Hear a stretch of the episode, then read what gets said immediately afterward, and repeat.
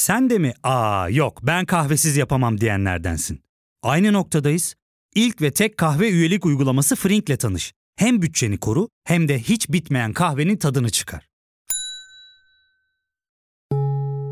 Yakınlarından terapinin onlara ne kadar iyi geldiğini dinlesen de kendin için bir şeylere başlamak zor geliyor olabilir. Ya da sevdiklerine yardım etmeye istekliyken kendi ihtiyaçlarını görebilmek. Hayvel, uzman psikologlarıyla kendi ihtiyaçlarını bulmanda sana destek olacak. Terapi yolculuğuna başlamak için detaylı bilgi bölümün açıklamalarında. Let me ask you about China. China. I go to China. China, China, China, China, China, China, China, China, China, China, China, China, China, China. People from China, they love me. China. People think I don't like China. I love China. China. China is the new China, by the way. China, China, China. I deal with China. China, China, big league. Merhabalar dinlediğiniz ses kaydını Huff Entertainment YouTube kanalı hazırlamış. Amerikan Başkanı Trump'ın farklı platformlardaki Çin söylemlerini ironik bir şekilde derlemişler. Evet bu bölüm Amerika Birleşik Devletleri ve Çin'i konuşacağız. Amerikan Başkanı Donald Trump 2016'da seçim stratejisini Çin karşıtlığı üzerine kurmuştu. Trump'ın ilk başkanlık dönemi sona ererken Amerika Birleşik Devletleri ve Çin arasında ipler geriliyor.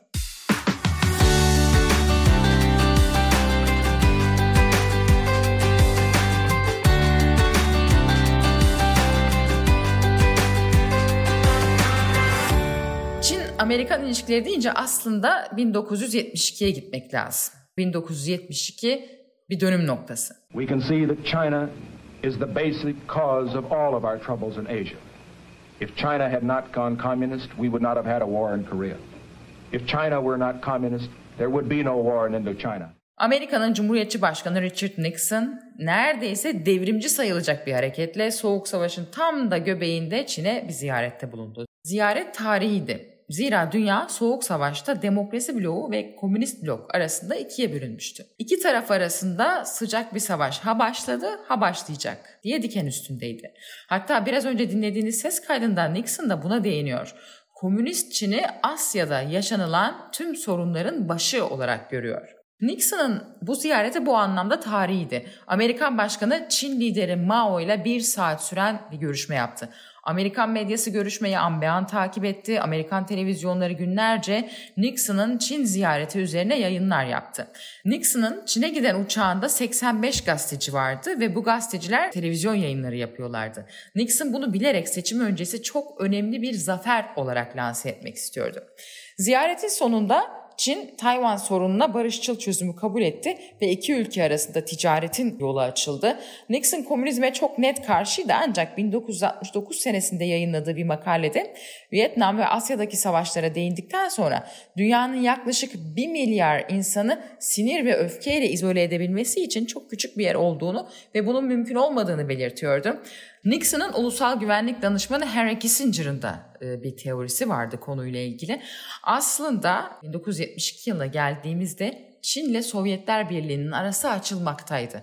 Dolayısıyla Kissinger da bu durumu kullanmak istedi ve Amerika Birleşik Devletleri hemen bu boşluğu doldurdu. Yani Sovyetlerle Çin'in arası açılırken Sovyetlere karşı Çin'i stratejik olarak yanına almak için Nixon böyle bir hamle gerçekleştirdi. Asıl yapı taşını Bill Clinton koydu.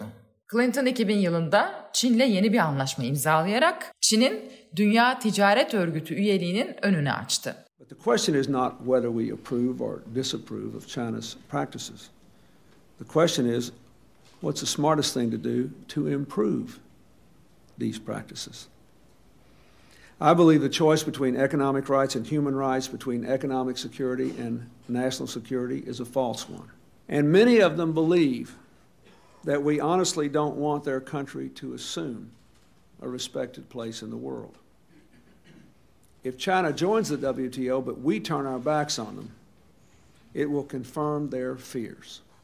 Clinton aslında Nixon'ın yaklaşımının bir benzerinden bahsediyor diyebiliriz. Bu anlaşma sebebiyle birçok Amerikalı şirket üretimini Çin'e taşıdı. Yani kullandığımız telefonların Çin yapımı olmasının altında yatan temel sebep bu sözleşme. Amerika Birleşik Devletleri global marka sayısını arttırırken gerçekleştirdiği düşük maliyetli üretim sayesinde kendi iç pazarındaki fiyatları daha uygun tutabildi yani enflasyon etkisini azalttı. 1999 yılında bu anlaşma yapılmadan Amerika Birleşik Devletleri Çin arasında ticaret hacmi 95 milyar dolarken 2019 yılında bu hacim 560 milyar dolara ulaşmış durumda. Çin Artık para kazanmaya başlayan bir ülke olarak da 2007 yılında hem dünya hem kendisi için kritik bir karar aldı ve askeri harcamalarını 45 milyar dolara çıkardı. Bu o dönemde %15'lik bir artışa denk geliyordu. Tabii bu harcamalar açıklanan rakamlar sonucunda ülkeler bazı dataları tam olarak vermiyor. Çin'in 2020 harcaması 178 milyar Amerikan doları iken Amerika'nın harcamasının yaklaşık 720 milyar dolar olması bekleniyor. 2000'li yıllara geldiğimizde Çin büyüyor, dünya sistemine entegre oluyordu ve tabii ki yeni iddialı bir askeri güç olarak kendisini göstermekte kararlıydı. Amerikan siyaset yapıcılarının yavaş yavaş Çin konusunda korkmaya başladıklarını aslında bu yıllardan itibaren görüyoruz. 2008 yılında Amerika Birleşik Devletleri'nin en büyük alacaklısı Çin konumuna geldi. Çin bu konuda Japonya'yı geçti. Çin 2008 yılında 600 milyar dolarlık rezerv sahibiydi. 2010 yılında Çin Japonya'yı geçerek dünyanın en büyük ikinci ekonomisi haline geldi. İşe uyanan Amerikan Başkanı Barack Obama oldu. Obama ikinci döneminde Amerika Birleşik Devletleri'ni artık Orta Doğu'dan çekip almayı ve Asya'ya yoğunlaşmayı hedefliyordu. Afganistan, ardından Irak, Amerika Birleşik Devletleri 10 yıllardır Orta Doğu'da savaşıyor, sürekli asker kaybediyor para kaybediyor karşılığında da aslında bakarsanız bir şey kazanmıyordu. Tam tersine sürekli savaşarak bölgeye girdiği için Amerika Birleşik Devletleri'ne karşı antipati de bölgede sürekli artıştaydı. Obama bu Asya'ya dönüş hamlesine yani Orta Doğu'dan çıkıp dikkatini Asya'ya çevirme hamlesine pivot ismini koydu. Obama basketbolla çok haşır neşir bir Amerikan başkanıydı. Dolayısıyla bu isim seçimi o anlamda yerindeydi. Ama pivot aynı zamanda bir iş terimi.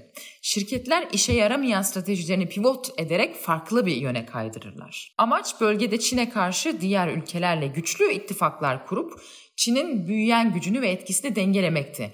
Bunun en önemli adımlarından bir tanesi de Transpasifik Ortaklığı'nın kurulmasıydı. TPP olarak bilinen ticari ortaklık Amerika Birleşik Devletleri, Meksika, Singapur, Japonya gibi Pasifik'e kıyısı olan ülkeleri kapsıyor ama Çin'i kapsamıyordu. Şubat 2016'da kurulan ortaklıktan Amerika Birleşik Devletleri Ocak 2017'de Başkan Trump'ın imzasıyla geri çekildi. Bunun altında ne aramak gerekiyor baktığımız zaman Trump Obama'nın özellikle imzalamış olduğu bütün anlaşmalardan çekiliyor. İddiası da şu her zaman bu anlaşmalardan daha iyisini ben imzalatırım. Bu anlaşmalardan daha iyisini ben yaparım. Trump'ın böyle bir tavrı var. Kısa bir ara ardından devam edeceğiz. Ya fark ettin mi? Biz en çok kahveye para harcıyoruz. Yok abi, bundan sonra günde bir. Aa, sen Frink kullanmıyor musun? Nasıl yani? Yani kahvenden kısmına gerek yok. Frink'e üye olursan aylık sadece 1200 TL'ye istediğin çeşit kahveyi istediğin kadar içebilirsin. Günlük 40 TL'ye sınırsız kahve mi yani? Çok iyiymiş. Aynen. Hatta şu anda 200 TL'lik bir indirim kodu da var. E hadi hemen indirip üye ol da bu fırsatı kaçırma. Terapiye başlamak, içinden çıkamadığın döngüleri kırmak, bazı yanlış bulduğun kararlarını değiştirmek ve kendinle beraber daha huzurlu bir yaşam inşa etmek için atabileceğin en değerli adımlardan biri. Hayvel ile yoğun yaşam tempona uyum sağlayarak online terapi seanslarını takvimine göre ayarlayabilirsin. Bini aşkın uzmandan sana en uygun terapisti seçebilir, podb10 koduyla indirimden yararlanabilirsin. Detaylı bilgi açıklamalardaki bağlantıda. Çin bu gelişmelerin ışığında artık dünyanın en büyük ikinci ekonomik gücü. Teknoloji alanında yaptığı yatırımlarla birçok markayı hayatımıza sokmayı başardı. Global markalar yarattı. Cep telefonları, altyapı, elektrikli otomobiller, ekonomik işbirlikleri, ülkelere parasal destek, dünyada birçok ülkeye yatırım yapmış, insanını, kültürünü bu ülkelere göndermiş durumda. İran bu ülkelerden bir tanesi. İran daha geçtiğimiz günlerde Çin'le 25 yıllık böyle çok kapsamlı bir anlaşma imzaladı. Anlaşmayı imzaladığını biliyoruz ama kapsamını bilmiyoruz. E, ne İran ne Çin bu kapsamı tam olarak açıklamış değil. Bu arada Çin'in artan ekonomik etkisiyle ilgili Netflix'te American Factory belgeselini kesinlikle öneririm. 2012 yılına kadar Çin'in başında Hu Jintao bulunuyordu. Hu Jintao aslında neredeyse olmayacak bir şeyi başardı. Döneminde herkesin, tüm Çinlilerin gelirini tam iki katına çıkardı. Burada tabii böyle artan enflasyon nedeniyle şişen fiyatlardan bahsetmiyoruz. Artan alım gücü, değişen hayatlardan söz ediyoruz. Yani hayal etmeye çalışın Çin ekonomisi öyle bir hızda büyüyordu. 2012 yılında Hu koltuğunu Xi Jinping'e devretti. Hu Jintao daha demokratik bir sistem, hak, adalet kavramlarından bahsederken Xi'nin çizgisi dünyada yükselişe geçen bu tavizsiz güçlü lider çizgisiyle daha uyumlu. Xi'nin sloganı Çin'in yenilenmesi. Çin yenilenirken güçleniyor, Amerika Birleşik Devletleri ise Soğuk Savaş sonrası ortaya çıkan tek kutuplu dünyanın değişimi karşısında endişe duyuyor. Gelelim asıl dananın kuyruğunun koptuğu yere Donald Trump dönemine. Donald Trump 2016 seçimlerine hazırlanırken vaatlerini, Amerikan işletmelerini canlandırmak, Amerika'yı yeniden eski gücüne kavuşturmak üzerine kurdu. Together we will make America strong again. We will make America wealthy again. We will make America proud again. We will make America safe again. And yes, together we will make America great again. Ucuz iş gücüyle büyüyen Çin, Amerikan işletmelerine zarar veriyor, üretim Çin'e kayıyor, Amerikan işçi sınıfı işsiz kalıyordu. Bu trend devam ediyor. Trump Amerikan işçi sınıfına seslendi, Make America Great Again. Amerika'yı yeniden büyük yap sloganı hedef kitlelerde karşılığını buldu. Trump iktidara gelir gelmez önce Çin'e karşı hemen böyle bir düşmanca bir tavır sergilemedi. Xi Jinping'le önce telefonda görüştü. O dönem Dışişleri Bakanı olan Rex Tillerson'ı Çin'e yolladı. Xi Jinping Trump'ın meşhur Mar-a-Lago'daki malikanesinde Trump'ı ziyaret etti. Trump'ın tanımlamasıyla her şey harikaydı. Çin'le 10 maddelik e, yeni bir anlaşma imzalanıyor. Her şey harika gidiyordu. I just want to say it's a great honor to have the president of China and his incredibly talented wife, a great, great celebrity in China, a great singer. Uh, it's an honor to have you in the United States. We've had a long discussion already, and so far I have gotten nothing, absolutely nothing. but we have developed a friendship, I can see that, and I think long term we're going to have a very, very great relationship, and I look very much forward to it. Ne var ki 2018 yılının Mart ayında Trump birdenbire şak diye Çin'den gelen çelik ürünlerine yüksek gümrük vergisi uygulamaya başladı. Trump'ın bu kararı iki ülke arasında ciddi kriz çıkardı. Çin bu hamleyle Amerikan ürünlerine gümrük vergisi koyarak karşılık verdi. Haziran ayında Trump vergileri genişletti. Çin'den gelen tıbbi malzemelere, televizyonlara vesaire %25 vergi koydu. Çin dünyanın en büyük üreticisi ama Amerika Birleşik Devletleri de en büyük tüketicisi. Bu iki ülke arasındaki kıyasıya rekabet aynı zamanda karşılıklı bir bağımlılık da var. Çin için Amerika Birleşik Devletleri kadar büyük ve alım gücü yüksek olan bir pazar bulmak da zor. Araya bir de Covid-19 krizi girdi. Wuhan hayvan pazarından dünyaya yayılan virüse Donald Trump Covid-19 değil Çin virüsü demeyi tercih etti. Trump bu virüsü Çin'le herkesin zihninde eşleştirmekte o kadar kararlıydı ki Beyaz Saray muhabirlerinden biri Başkan Trump'a Amerika Birleşik Devletleri'ndeki test sayıları ile ilgili bir soru yöneltti. Trump muhabire bu soruyu bana değil Çin'e sor diye yanıt verdi. Soruyu soran muhabirin çekik gözlü olması Trump ırkçılık mı yapıyor tartışmasını gündeme taşıdı ama Trump tabiri caizse tınlamadı bile. Said many times that the US is doing far better than any other country when it comes to testing. Yes.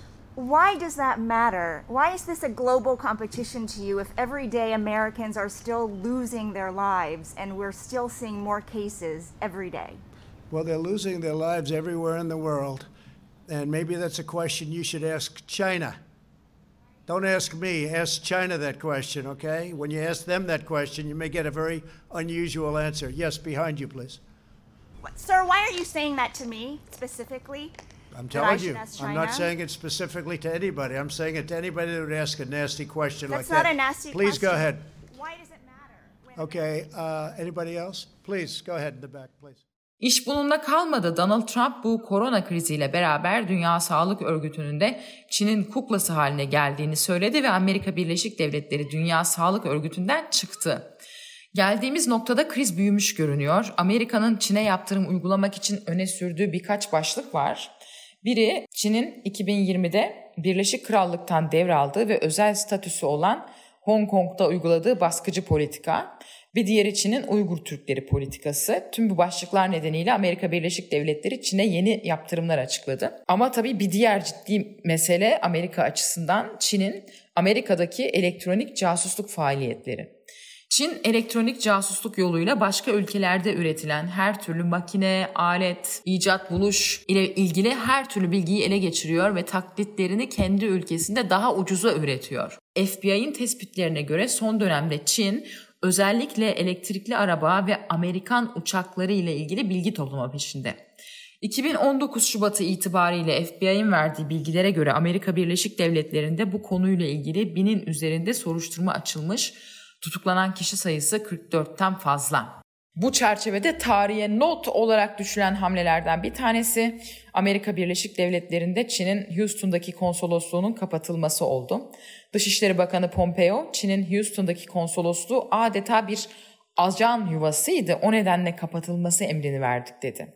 Amerikalılar Çin'in elektronik casusları aracılığıyla Amerikan bilim insanlarının üretmeye çalıştığı COVID-19 aşısıyla bilgileri çalmaya çalıştığını öne sürüyor. Tabii Çin'de boş durmadı hemen karşı hamle Amerika'nın Chengdu'daki konsolosluğunu kapattı. İş konsolosluğu kapatmayla bitmedi. Amerikalılar ard arda açıklama yapmayı sürdürüyorlar. Ulusal Güvenlik Danışmanı Robert O'Brien, Xi Jinping kendisini Joseph Stalin sanıyor açıklamasını yaptı. FBI Direktörü Christopher Wray, Çin ne pahasına olursa olsun dünya lideri olmaya çalışıyor dedi. Başsavcı William Barr, Hollywood stüdyoları ve Amerikan teknoloji devleri Çin'in kuklası oldu dedi. Bir başka adam Donald Trump bir Çin aplikasyonu olan TikTok'u Amerika Birleşik Devletleri'nde yasaklayacağını açıkladı. Amerikan başkanı olarak gerçekten Trump'ın böyle bir yetkisi de var. Şimdi TikTok'u ya Microsoft alacak, bununla ilgili görüşmeler var ya da gerçekten Amerika Birleşik Devletleri'nde TikTok erişime engellenecek.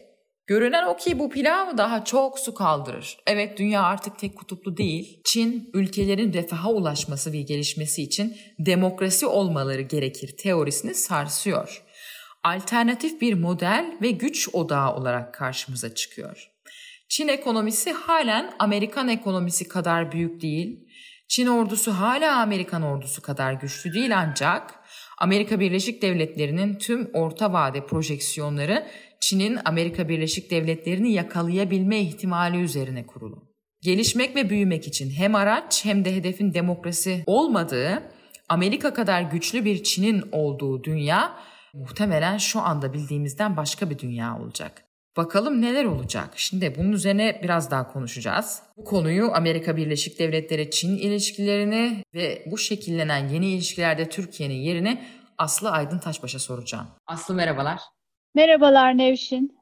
Şimdi ben sana hep gazeteci demeye alışkınım ama artık analist diyoruz değil mi? Uzun zamandır CFR'da ee, çalışıyorum. Yani ECFR Avrupa Dış İlişkiler Konseyi'ndeyim. Dış politika uzmanı diyorlar. Gazeteci dendiğinde tabii ki şeref duyuyorum. Hala Washington Post'ta yazıyorum. Bazen akademisyen dedikleri oldu ama akademik bir master ötesi bir başarım yok. Haliyle nasıl istersen ama gazeteci de diyebilirsin. Okay.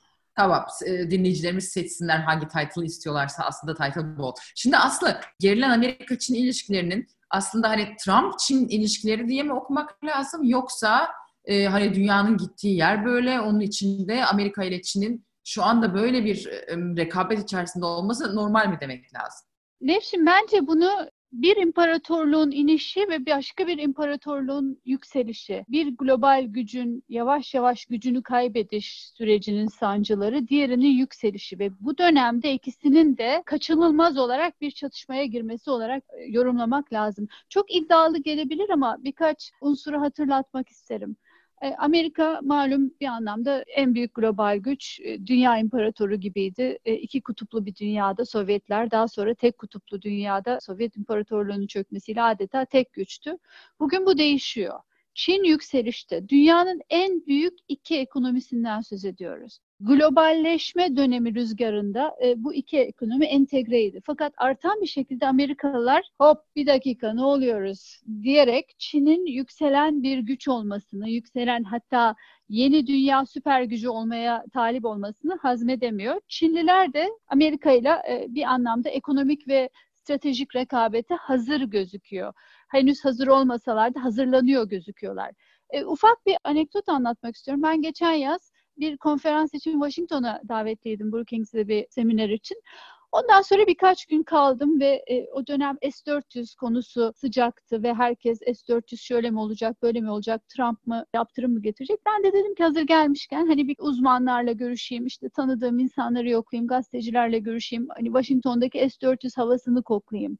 Bu esnada çaldığım her kapıda ya evet S-400 şöyle böyle ama Çin, ama Çin Amerika, e, yükselen Çin'le gerilim, Çin'le soğuk savaş, Çin'le soğuk savaş ifadesini çok duydum. Türkiye'de daha Çin bu kadar konuşulmuyordu. Hatta hiç konuşulmuyordu. Dünyada da bu kadar konuşulmuyordu. Ben her yerde Çin Amerika gerilimi, Çin'le soğuk savaş, Çin'le soğuk savaşı hazırlık.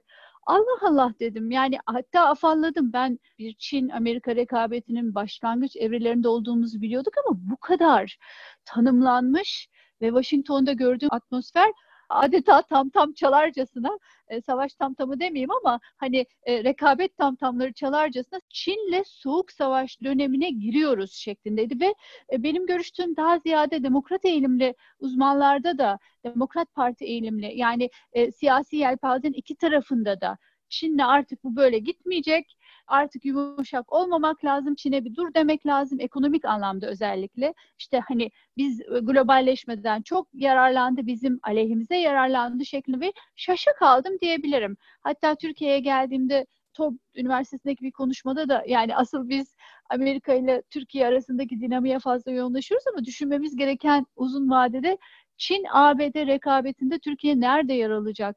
Avrupa'da harıl harıl şu anda buna odaklanıyor. Gerçekten de Avrupa'da düşün... Hakikaten yani bu işin Türkiye'ye dönüşü nasıl olur? Bu da çok önemli bir konu. Çünkü hani Amerika'da Joe Biden'ın seçilmesi ihtimali var önümüzdeki Kasım ayında. Joe Biden'ın seçilmesi durumunda Avrupa-ABD ilişkileri, NATO'nun durumu ya da İran nükleer programı gibi konularda farklı politikalar olabilir. Ama bir konu var ki Cumhuriyetçiler ve Demokratlar üzerinde anlaşıyor. O da Çin'le ilişkiler. Buna decoupling diyorlar. Yani ayrıştırma. ABD Çin'le ekonomik olarak kendisini entegre olan iki ekonomiyi ayrıştırmak istiyor. Çünkü ne oldu son 20 yılda globalleşen dünya, global ekonomi, globalizm rüzgarlarında Amerikan endüstrisinin üretim zinciri Çin'e kaydı. iPhone'dan tutun da işte her türlü tişörte kadar, her türlü araba yedek parçasına kadar her şey Çin'de üretiliyor. Amerikan şirketleri üretiyor ama Çin'den alıyor vesaire. Bu da ticaret açığı tabii e, Çin'in lehine döndü. Trump bunu ilk defa yüksek sesle dile getiren e, lider oldu belki ama dedi ki ya ben ne anladım bu işten? Hani bir de buna ideolojik bir sos kattı. Sağdan gelen bir sağcı bir lider olmanın işte sağın o geleneksel e, Çin Komünist Partisi, Çin işte otoriter rejim vesaire gibi söylemlerini de iyice benimsedi. Trump'ın tabanı en azından. Şimdi Trump kendisi dikkatli bir dil kullansa da Çin'e karşı tabanında inanılmayacak bir Çin düşmanlığı şu anda. Kızıl Çin vesaire gibi laflar bile hani soğuk savaş döneminden kalma Kızıl Çin gibi ifadeleri bile duyuyorum ben. Hani bu Trump'ın danışmanları, çevresi, onlara bağlı medyayı biraz incelediğiniz inanılmaz bir Çin nefreti. E bir de bunun üstüne korona gelince, korona virüs işte Çin'den çıkmış olması, Wuhan'dan çıkmış olması ilk başta ne kadar doğru ne kadar yanlış artık birçok bilgiyi takdir edemiyoruz ama Çin yönetiminin korona konusundaki ilk verileri ve istatistikleri gizlediği ya da Amerika'da gizlendiğine dair bir algı oluştu ya da yaratıldı. Bütün bunlar birleşince Amerika ve Çin arasındaki bir soğuk savaşın arifesindeyiz. Tabii üçüncü bir unsur malum Amerikan seçimlerine birkaç ay kaldı. Trump'ın kamuoyu yoklamalarında rakamları hiç iyi gitmiyor. Kaybedecek gibi gözüküyor. Ve Çin'e karşı hasmane tutumu, Çin'e karşı daha saldırgan, daha çatışmacı bir söylem kurmayı kendisine bir seçim stratejisi olarak benimsedi. Bir anda Xi Jinping'le görüşmelerinde hep işte dostum, işte ne kadar iyi lider vesaire gibi tatlı tatlı tweetler atarken bir anda Çin aşağı Çin yukarı her gün Çin'e giydirmeye başladı. Hatta koronavirüse de Çin virüsü vesaire gibi ırkçı ifadeler, Kung virüsü falan gibi özellikle Asya kökenli Amerikalıları da çok rencide eden ifadeler kullanarak böyle bir seçim strateji geliştirdi. Ama bu ortamda senin soruna tekrar dönmemiz lazım. Böyle bir soğuk savaş sürecine belki bugün bu kadar hissetmiyoruz ama o önümüzdeki 10 yıl, 20 yılın global denklemini bence bu şekillendirecek. Yani nasıl ki biz 2. Dünya Savaşı'ndan 90'lı yıllara kadar Sovyet Amerika gerilimi, soğuk savaş vardıysa dünyada her ülke ya o taraftasın ya bu taraftasın diye bir pozisyon almak zorunda kaldı. Anladığım kadarıyla önümüzdeki 10 yılda böyle bir sürece gireceğiz. Türkiye ne yap- yapacak? Bence çok kararını vermiş değil. Şu anda ortada gözüküyor. Amerika ile ilişkiler malum iki ileri bir geri, biraz gerilimli, biraz düzgün. Erdoğan ve Trump arasında iyi bir hukuk var ama Biden seçilirse ne olur vesaire. Türkiye daha kararını henüz vermiş değil. Çin Türkiye pazarına ekonomik olarak girdi ama tam girmedi. Stratejik yatırımlara bakarsanız Çin'in yaptığı Türkiye'deki yatırımlara hiç tırıvırı işlerle vakit kaybetmiyor diyebiliriz. Yani köprülerle ilgileniyor. Zaten sanıyorum Çanakkale Köprüsü'nde mi ya da otoyolda mı bir hisse aldı. Şimdi tekrar dönüp onu çek etmem lazım ama aynı zamanda hani Kanal İstanbul'a muhtemelen ilgileri var. Diğer taraftan Türkiye bir NATO ülkesi ve Amerika ile sıkı sıkı ilişkileri, bir ticareti ve en önemlisi askeri bir işbirliği var süre gelen 60-70 yıldır. Bütün bunlar arasında Türkiye hangi cephede yer alacak? Bu karar henüz verilmiş değil. Çin'le arayı iyi tutmak isteyen bir iktidar var. Bu net. Uygur Türklerinin yaşadığı, kimilerinin soykırımı dediği ama soykırım demesek bile açık bir şekilde kitlesel olarak bir cezalandırma süreci yaşanıyor. Ciddi insan hakları ihlalleri var ve bu konuda Türkiye ağzını açmadı, açmıyor. Bu konuda bir karar verilmiş belli ki. Diğer taraftan da Amerika ile ilişkilerin çok kötüleşmesini de istemiyor. Ee, orada ciddi anlamda Türkiye ekonomiden siyasi dengelere kadar her şeyi etkiliyor.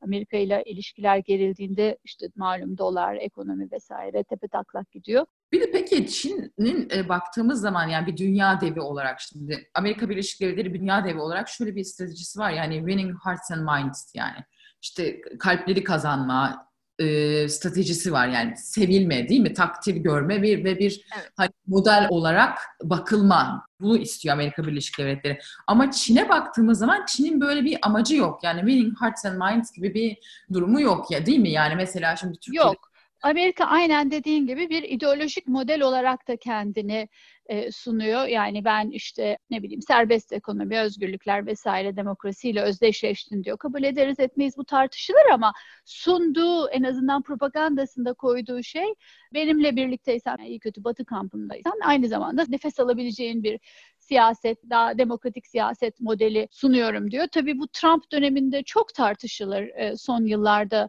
bu böyle miydi? Hatta Amerika'nın İkinci Dünya Savaşı sonrası Türkiye'ye yönelik politikasında hani darbeleri de desteklemiş 80 e, darbesi dahil politikasında hani gerçekten bu e, yağlı bağlı özgürlük söyleminin arkasında hani öyle miydi? Bu, bu, bu ayrı bir tartışma konusu ve uzun bir konu ama sunduğu paket iyi kötü bir liberal demokrasi sunuyorum diyor. Çin ise evet dediğin gibi hearts and minds yani gönülleri fethetme politikası gütmüyor. Buna karşın ekonomik olarak vazgeçilmez bir ülke haline gelmeyi hedefliyor. Şimdi Çin'in Afrika'da ve Latin Amerika'da Çinli yatırımcının ya da Çin'in ekonomik olarak girdiği ve zaman içinde e, kontrol etmeye başladığı bazı ülkeler var her zaman stratejik yatırımlar ve bu stratejik yatırımları son derece bonkör bir şekilde gidiyor Çin. Siz merak etmeyin biz krediyi de sağlarız. Hiçbir para koymanıza gerek yok. Bu kanalı yapalım.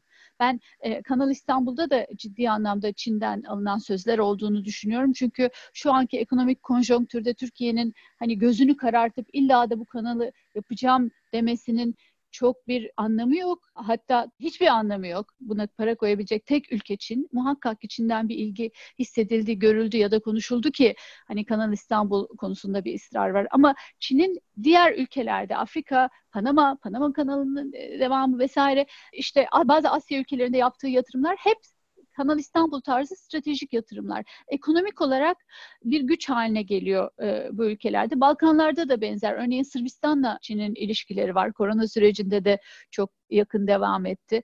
İtalya ile bazı ilişkileri var. Yunanistan'da liman alındı. Yani dediğim gibi hiçbir zaman televizyonda Çin dizileri oynatıp insanların kalbini kazanmıyor ama dünyanın sıkışmış ekonomik dönemlerinde ciddi bir yatırım imkanı sunuyor. E, unutmayalım dünyanın ikinci büyük ekonomisinden söz ediyoruz.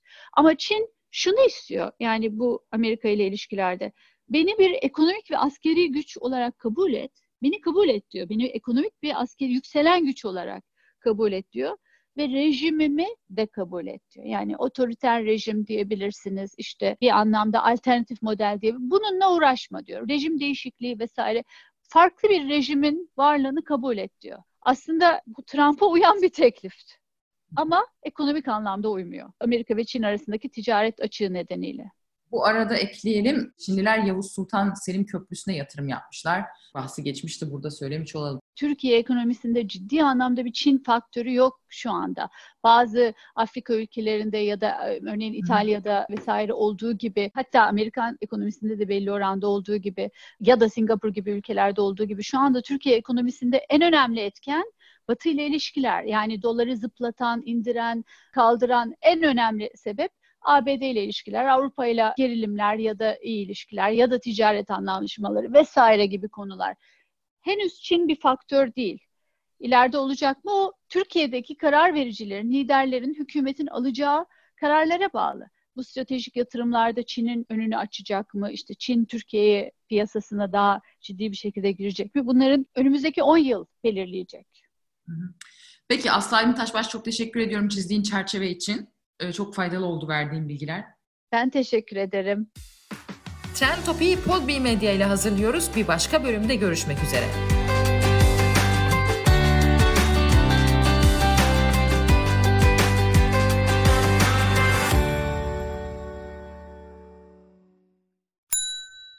İlk ve tek kahve üyelik uygulaması Frink, 46 ildeki 500'den fazla noktada seni bekliyor. Açıklamadaki kodu girerek sana özel 200 TL'lik indirimden faydalanmayı unutma. Hadi sen de Frink üyeliğini başlat, kahven hiç bitmesin. Hem bugününe hem yarınına katacaklarıyla terapi yolculuğuna ve daha iyi hissetmeye bugün Hayvel ile başla. Açıklamadaki linkten Hayvel'i indir, ücretsiz tanışma görüşmelerinin ardından bütçene uygun seans paketini seç ve terapi yolculuğuna başla.